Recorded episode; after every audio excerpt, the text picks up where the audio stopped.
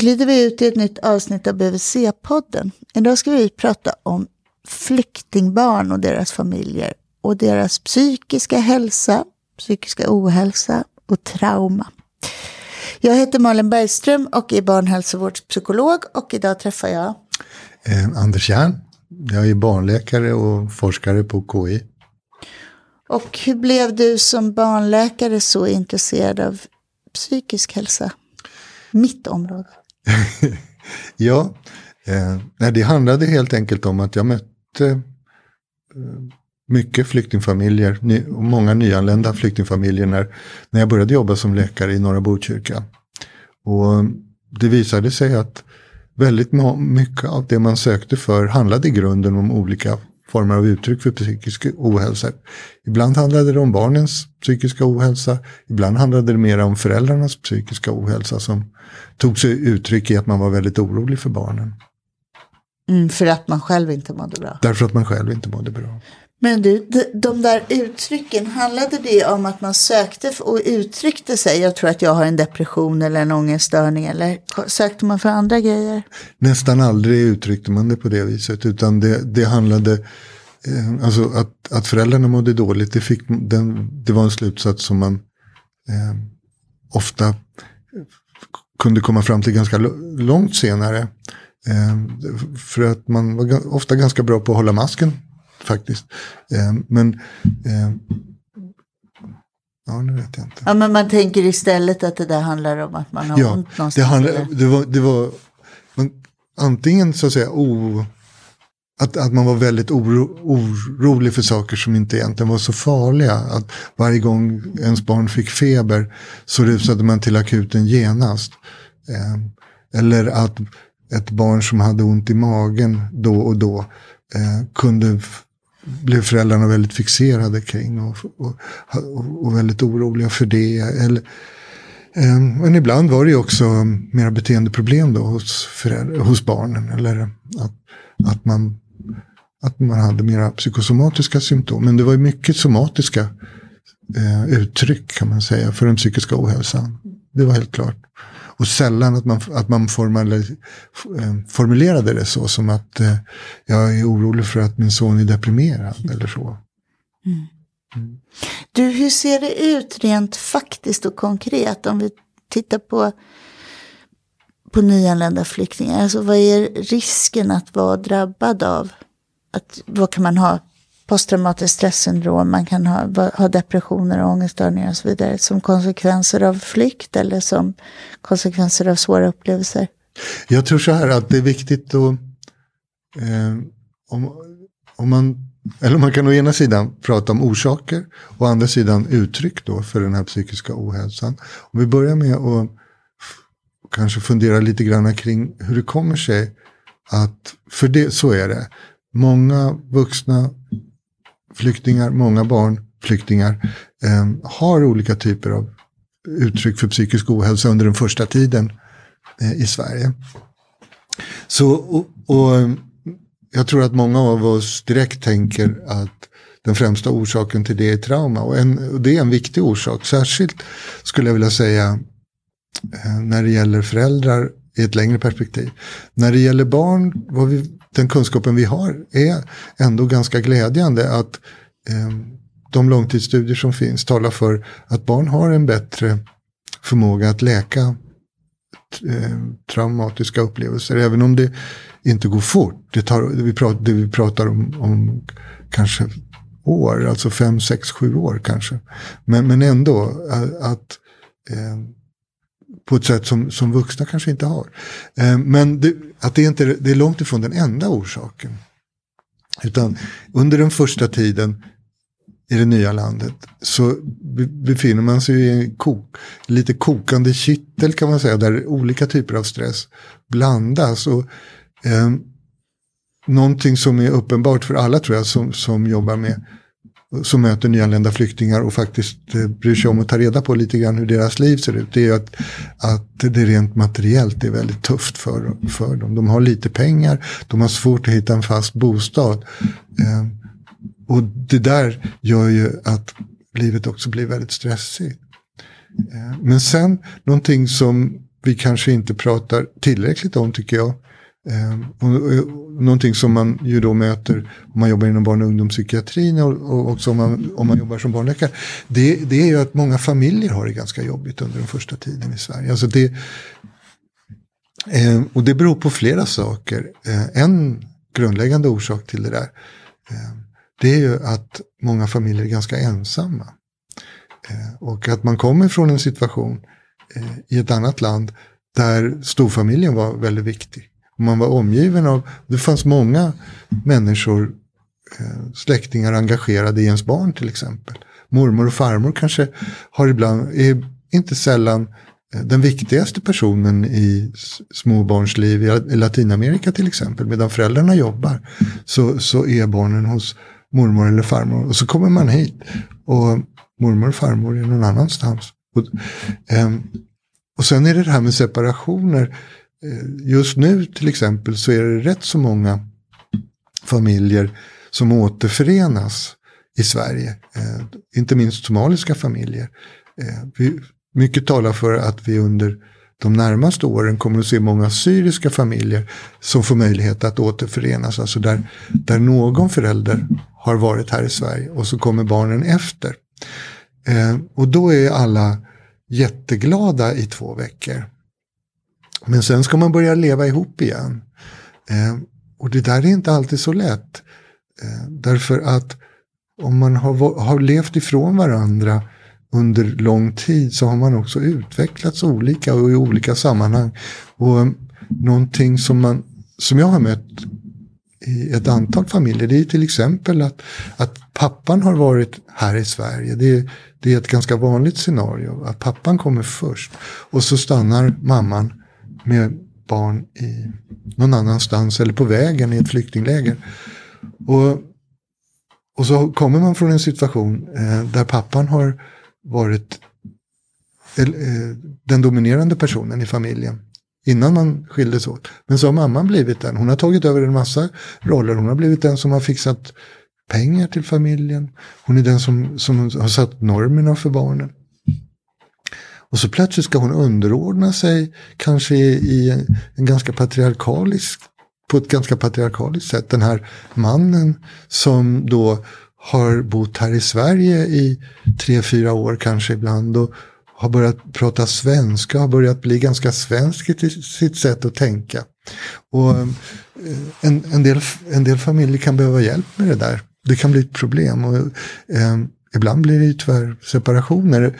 Eh, och jag, det kan vara en uppgift för oss eh, som, jobb, som möter de här familjerna att när vi ser det här att, att försöka hjälpa dem att komma så att de får att man förebygger de här separationerna. För de här separationerna tidigt efter att man har kommit till Sverige är många ganska onödiga. Men tyvärr är de ganska vanliga. Men nu pratar vi också mycket om anpassningsproblem ja. och alltså en övergång som är extremt krävande. Dels är det en hel familj ja. där alla eh, ska, ja, har olika förutsättningar att komma mm. in i ett nytt land och börja känna någon slags hopp kring en tillvaro här. Mm. Men om man tänker på psykisk ohälsa som någonting specifikt, hur vanligt är det att man är drabbad av det när man, när man är nyanländ? Ja, om vi pratar om eh, barn så eh, gjordes det ganska många studier på 80-talet, början av 90-talet i, i Sverige. Och, där, eh, och därför vet vi att eh, ungefär hälften av barnen under de först, om man tittar på under de första två åren i Sverige har eh, på eh, symptom som eh, finns i olika typer av barnpsykiatriska instrument. Så alltså för, och I första hand handlar det om inåtvända symptom.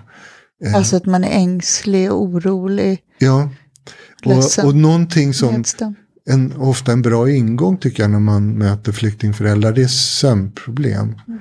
Eh, jag har hört många, och det är ju inte på något vis specifikt för flyktingföräldrar, men det är vanligare flyktingföräldrar hos, i flyktingfamiljer att många är uppe och vandrar på nätterna. Du menar barnen? Och de, och de vuxna. eh, och att man Eh, stör varandra och att man har, för det som ju för, speciellt kanske med många flyktingfamiljer också, det är att eh, en del av den här posttraumatiska stressen, alltså att man har haft upplevelser av våld eh, som ibland kan ha mest att göra med själva flykten, eh, färden över med båten och, och, och, så, eller på kriget som man har levt i under lång tid, att det kommer tillbaka i mardrömmar på nätterna. Eh, och det gäller både de vuxna och barnen. Så att det, det, är inte ovanligt att någon eller flera i familjen vaknar på natten och skriker. Eh, och, och, och det man ska veta när man möter flyktingföräldrar som har barn som har de här mardrömmarna och som, och som är oroliga och ängsliga. Det, det, det är att eh, många av de föräldrarna går omkring med en känsla av att, att det är deras fel. Eh, att det hela tiden har man gjort olika typer av val. Man skulle ha kunnat stanna hemma, man skulle ha kunnat åka till ett annat land. Och nu har man valt att göra så här och nu mår mitt barn så här dåligt och det är mitt fel. Så det finns en massa skuld i det där? Det finns en stor skuld i det där. Och, och för, inte förrän man har eh, liksom pratat med föräldrar och, och fått dem att, att, berätta om den så förstår man egentligen hur vanligt det är. För att ehm, jag tänker för oss så är det inte att en förälder skulle ta ansvar för kriget i Syrien. Ehm, och det är inte riktigt det det handlar om heller, men att ändå så har det hela tiden varit val hela tiden på olika sätt. Varför flydde vi inte tidigare? Eh, varför valde vi att åka till det stället istället för det stället? För det stället, där var det ju mycket lugnare sen. Eh, det borde jag begripa. Alltså det, hela tiden så, så finns det sådana här eh, tankar om vad man hade kunnat göra istället. Och då, och, där, då, och då finns det en kunskap som kan vara lite befriande. Eh, och det är just det här att, att eh, de studier vi har som har följt barn under en längre tid visar att de här tidiga symptomen, inåtvända symptomen, de försvinner faktiskt med tiden. De blir bättre. Och att man kan förmedla det till föräldrarna, att nu har ditt barn det väldigt jobbigt och vi ska försöka göra så mycket som möjligt för att de ska få det bättre. Eh, men, men du behöver inte vara rädd att ditt barn är skadat för livet, för det, det är någonting som många, en rädsla som många föräldrar går omkring med. Jag tänker att vi måste komma in på alltså, vilken typ av hjälp man kan få. Därför det blir ju som en sån där lök med olika lager av påfrestningar. När barn mår dåligt, jag som förälder får skuldtjänster, jag kanske har egna symptom eller flashbacks eller mardrömmar som gör att det blir svårt att ta hand om barnet. Så. Men jag tänker i det där, att kunna liksom trygga föräldrar med att barnen mår dåligt nu, men det kommer bli bättre sen och man kan hjälpa barn som mår dåligt så här. Mm. På nätterna när någon vaknar och är rädd så kan man låta den komma och ligga hos en, man håller om den och så vidare. Mm. Så kan man ju på BVC också göra eh, skillnad genom att våga fråga om det där och att våga ge råd kring hur man hjälper barn, vilket typ av stöd barnen kan behöva av föräldrarna. För jag, jag tror att det finns en väldig potential för BVC eh, när det gäller att stötta föräldrarna i, i den här situationen. Därför att det de behöver är det finns föräldrar som har en svår psykiatrisk problematik och som behöver kvalificerad psykiatrisk hjälp. Och de är fler bland flyktingarna. Men de, men de flesta flyktingfamiljer som, där man har de här symptomen, de befinner sig mera i en krissituation. Och de behöver en, en människa som de kan luta sig lite grann mot. Och, och, och kan man inge lite hopp och orka lyssna eh, så räcker det väldigt långt. Alltså. Och många gånger så är den här utgångspunkten som man har i sitt arbete på BVC, där man försöker där man tillsammans med föräldrarna försöker främja barnens hälsa. Väldigt bra utgångspunkt för den typen av roll. Och att inge hopp och att våga lyssna, det är ju, ja, det kan man komma ganska långt med. Ja. Men du, man tänker, finns det andra saker man gör på BVC? För att hjälpa alltså i de här situationerna? Det som, och det, det, finns ju olika faser på något sätt i, i flyktingfamiljernas liv. Men om man kommer in tidigt och de är, och de är antingen nyanlända i den bemärkelsen att de har just kommit till Sverige. Och det som, som är kanske lika vanligt om man, man jobbar i Stockholm eller Göteborg eller Malmö eller sådär. Det är ju att de är nyanlända i stan och att de har tidigare bott eh, Eh, på, på, en flyktingförläggning eller så. Eh, långt bort från stan. Eh, och då är det ju det, det, första man ska göra det är att försöka hjälpa familjen att se till att barnen får någon typ av eh, barnverksamhet. Eh, alla barn har rätt till förskola från tre års ålder. Eh, och eh, den rätten ska man naturligtvis utnyttja. Men i, i, i praktiken så kan det ju vara så att man får vänta innan man får sin plats på, på förskolan. Eh, och öppna förskolan fungerar ju väldigt bra också för det, inte bara för de mindre barnen utan också för de lite större barnen. Här. Eh, så, så det är en jätteviktig resurs för, de, för barnen som är i väntan på att få börja på, på Och sen så är, finns det ju andra typer av verksamheter för barn som man också kan eh, komma in i. Kyrkans barntimmar till exempel har räddat en del papperslösa barn som jag har träffat och sådär det där att ha någon, någon, något ställe som är roligt att, att gå till. Eh, och där det finns andra vuxna som ser barnen och som, och som de kan samspela med. Och, och också andra barn och, och, och leksaker. Du, men att prata om det, för du sa att menar, man kan må dåligt psykiskt och så kanske man uttrycker det på ett helt annat sätt. Man har ont någonstans eller man oroar sig för några så, så, så, så kroppsliga symptom hos barnen. Mm. Hur öppnar man upp för samtal kring det här om man inte är så van vid det? Alltså när... Ja, min ingång har ofta varit sömnen faktiskt. Eh, för det är en ganska neutral arena. Och då kan man, om man får de här berättelserna om att, eh, att det är barn och vuxna som har mycket mardrömmar till exempel. Eh, ja, då, då kan det finnas anledning att tänka just åt det här med att det kan handla om posttraumatisk stress, PTSD, eh, problematik mera. Och då och, och är det så att föräldrarna dessutom, att man har en känsla av att, att de är kanske deprimerade. För ofta finns det i alla fall hälften ungefär av, av vuxna som har PTSD-problematik har en samtidig depressionsproblematik. Eh, och då finns det ju behandling att få. Och vi, eh, och depression är lättare att behandla än, än PTSD, men det finns ju också eh, möjligheter att behandla PTSD. Och inte minst handlar behandlingen ju om att eh, lära sig att hantera symptomen, alltså kognitiva terapier. Så att, eh, och då ska man ju hjälpa dem till vuxenpsykiatrisk eh, vård förstås. Och en, jag tänker vad man kan göra på BUC så tänker jag också att en annan viktig aspekt kring det där handlar också om stabiliteten. Vi pratar om att ge hopp men också att, att se Finns det något sätt man kan skapa en stabilitet i vardagen som gör att man vågar, vågar slappna av en smula och vågar sänka axlarna och liksom våga tro att det här ändå ska kunna bli bra och så. Mm. Och det är förstås jättesvårt innan man vet om man får stanna och sådär. Men att ändå kunna skapa sådana stunder betyder ju otroligt mycket för barnen. Ja, det gör ju det. Du, om vi tittar lite mer på vården specifikt, vad, dit man kan hänvisa familjer. Mm. Hur, vad ska man, hur ska man tänka där? Ja, och då där är det ganska olika beroende på var man befinner sig i Sverige.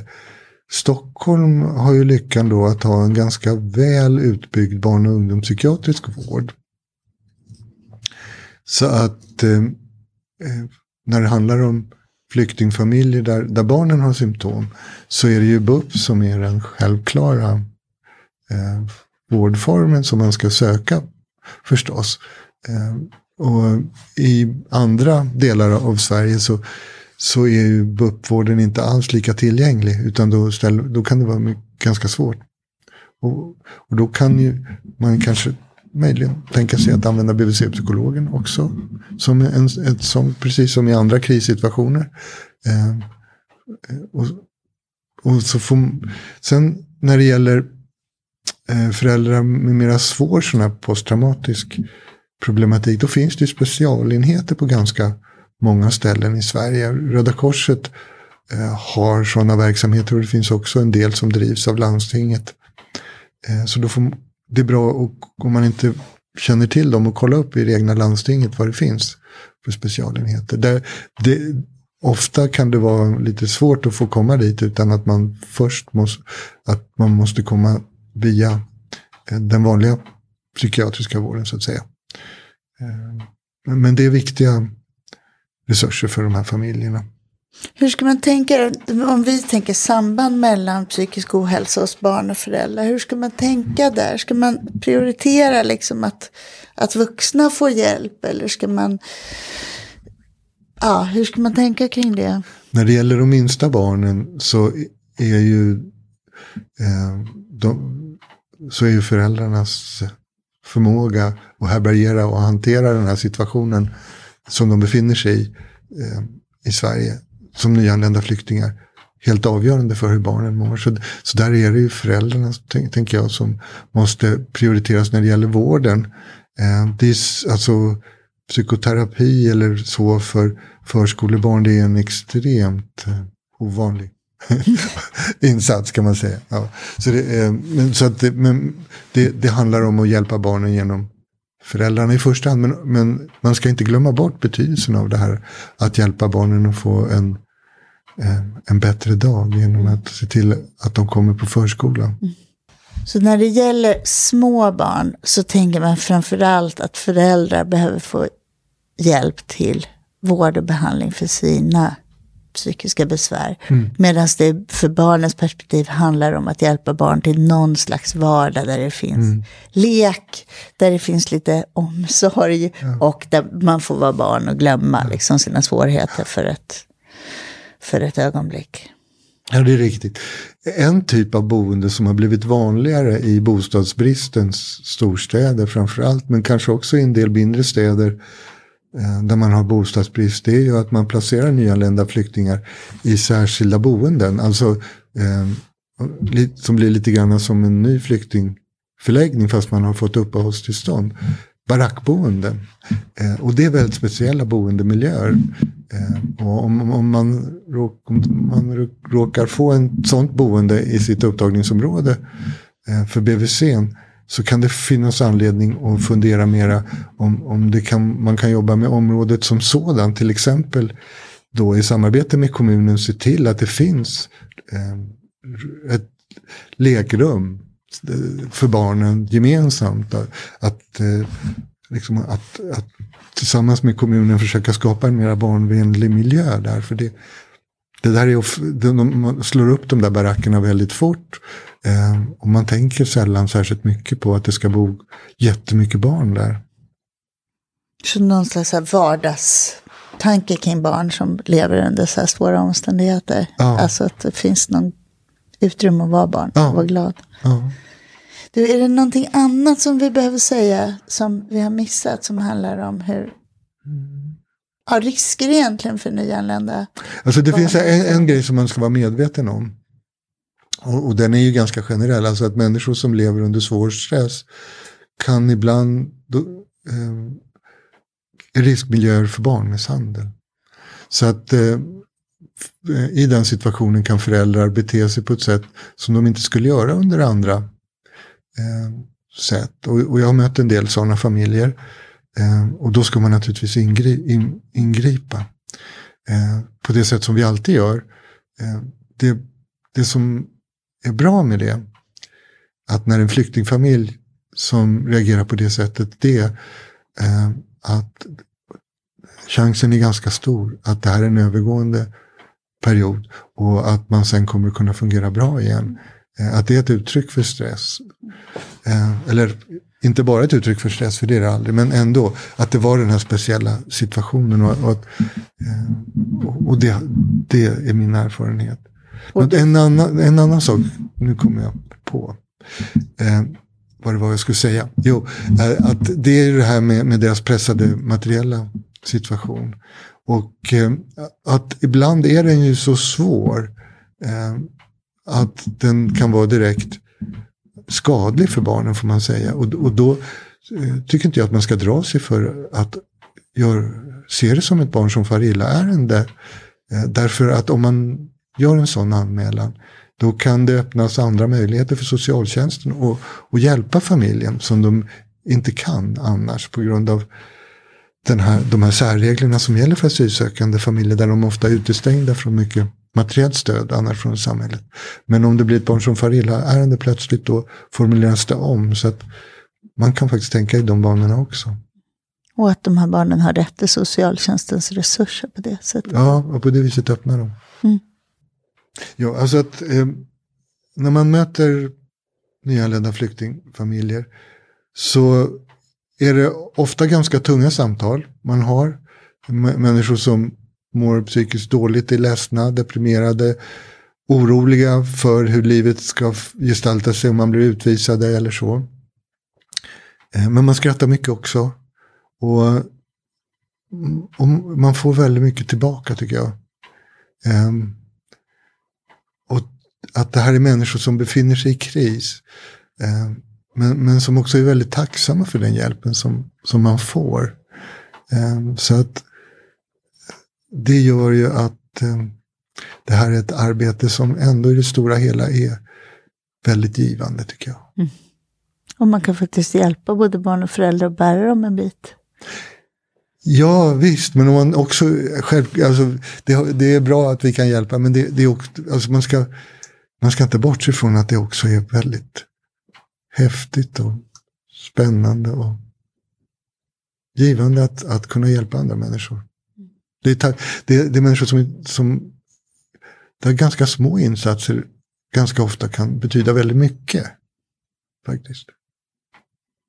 Och där man kanske också behöver vila i att den kunskap man själv har och de, att det stöd man själv kan ge också betyder någonting även om människor har stora problem och stora svårigheter att brottas med. Ja, och att, att man inte behöver vara psykoterapeut för att kunna lyssna lite grann. Det tror jag är viktigt. Vi glider ut i det här avsnittet och behöver se på den. Tack Anders. Okay,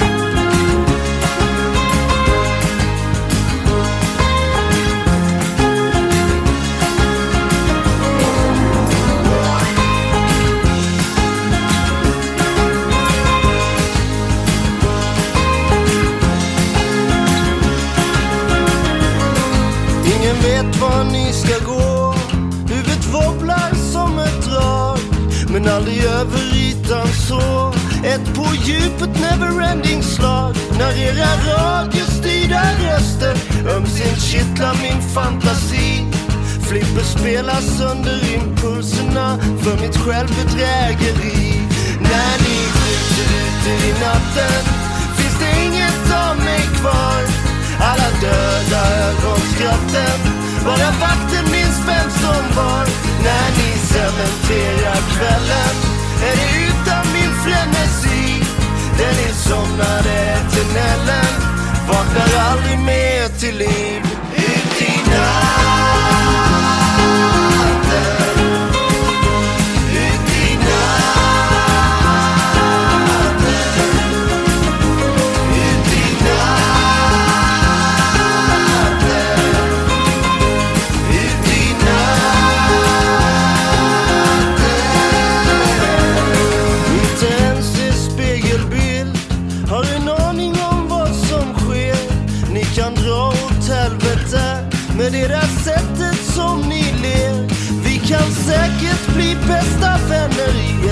sunshine of your spotless mind. Men inte riktigt när du bara älskar mig genom rök och vodka lime. När ni skjuter ute i natten finns det inget av mig kvar. Alla döda ögonskratten, bara vakten minns vem som var.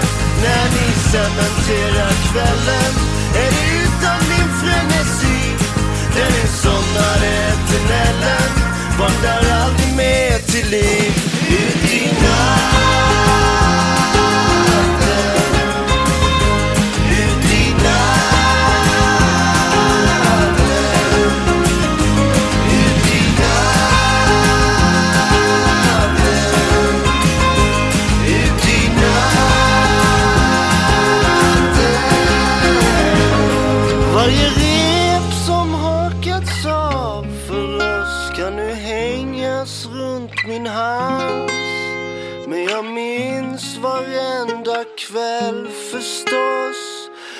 precis ingenting alls.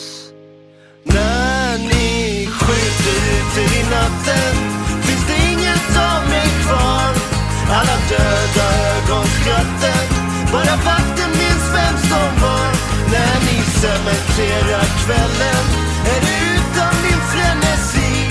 Där ni somnar eternellen, vaknar aldrig mer till liv.